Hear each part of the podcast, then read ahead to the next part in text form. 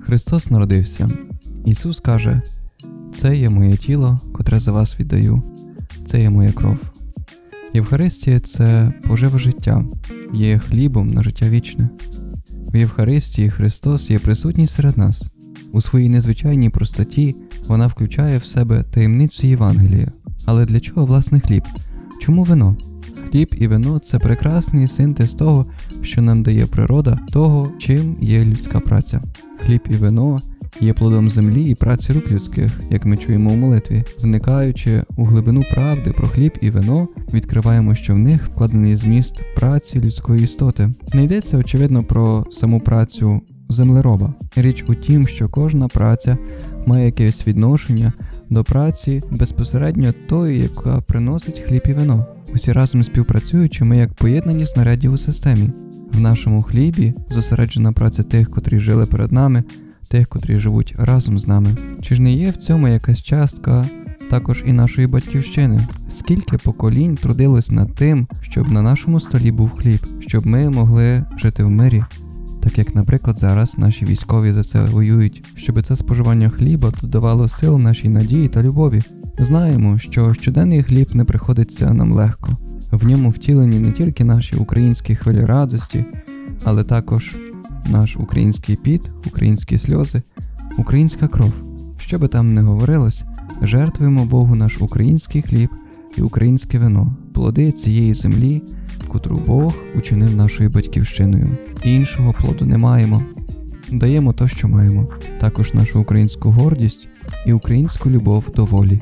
Даючи це все, просимо Бога, щоб йшов до нас через цю браму, настільки нам близьку хліба і вина. Христос серед нас присутній. Що це означає? Присутній. Камінь лежить біля дороги, але камінь не присутній для каменя. Тільки той може бути присутній насправді, хто бачить, чує, відчуває, знає. Одним словом, є чутливий, вразливий. Мати є постійно присутня при своїх дітях, бо постійно вразлива на їхню долю. Христос також є присутній. Це означає, що не тільки реально під постаттю хліба і вина, але також вразливий на все, що людське, є для людини, є біля людини, є також поживою. Це означає, що в особливий спосіб він вразливий на усі наші людські голоди. Так багато голоду має людина, є той, який особливо торкає голод надії. Чи ж ми не є істотами, котрі живуть надією?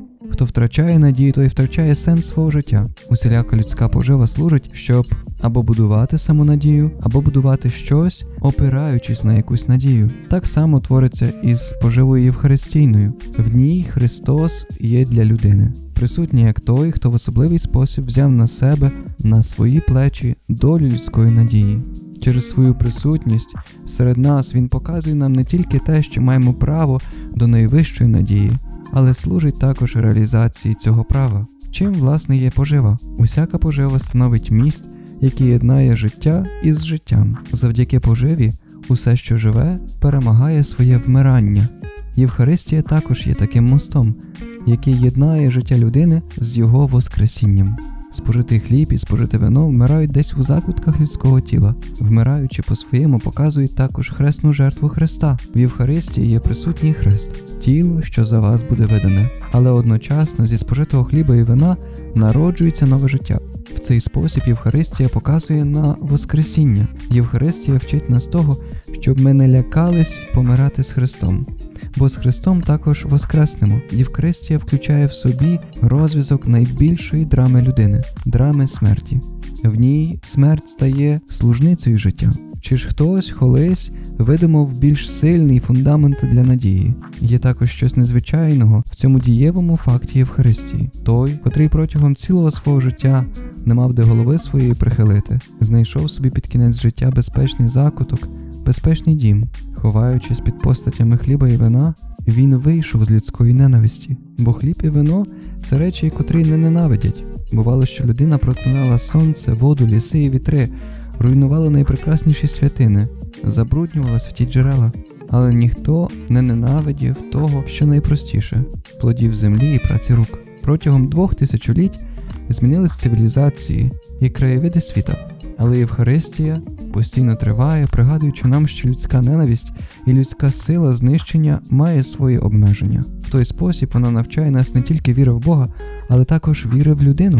Дозволимо собі сьогодні поглянути на Євхаристію також як на дім Бога, посеред домів, що становлять нашу батьківщину. Наші доми в батьківщині для нас є батьківщиною, а цей дім серед нас є батьківщиною самого Бога. Це дом незвичайний будований нашою працею і любов'ю Бога. Саме через двері і вікна цього дому проникає до нашої батьківщини щоденно міць і слово Царства Божого.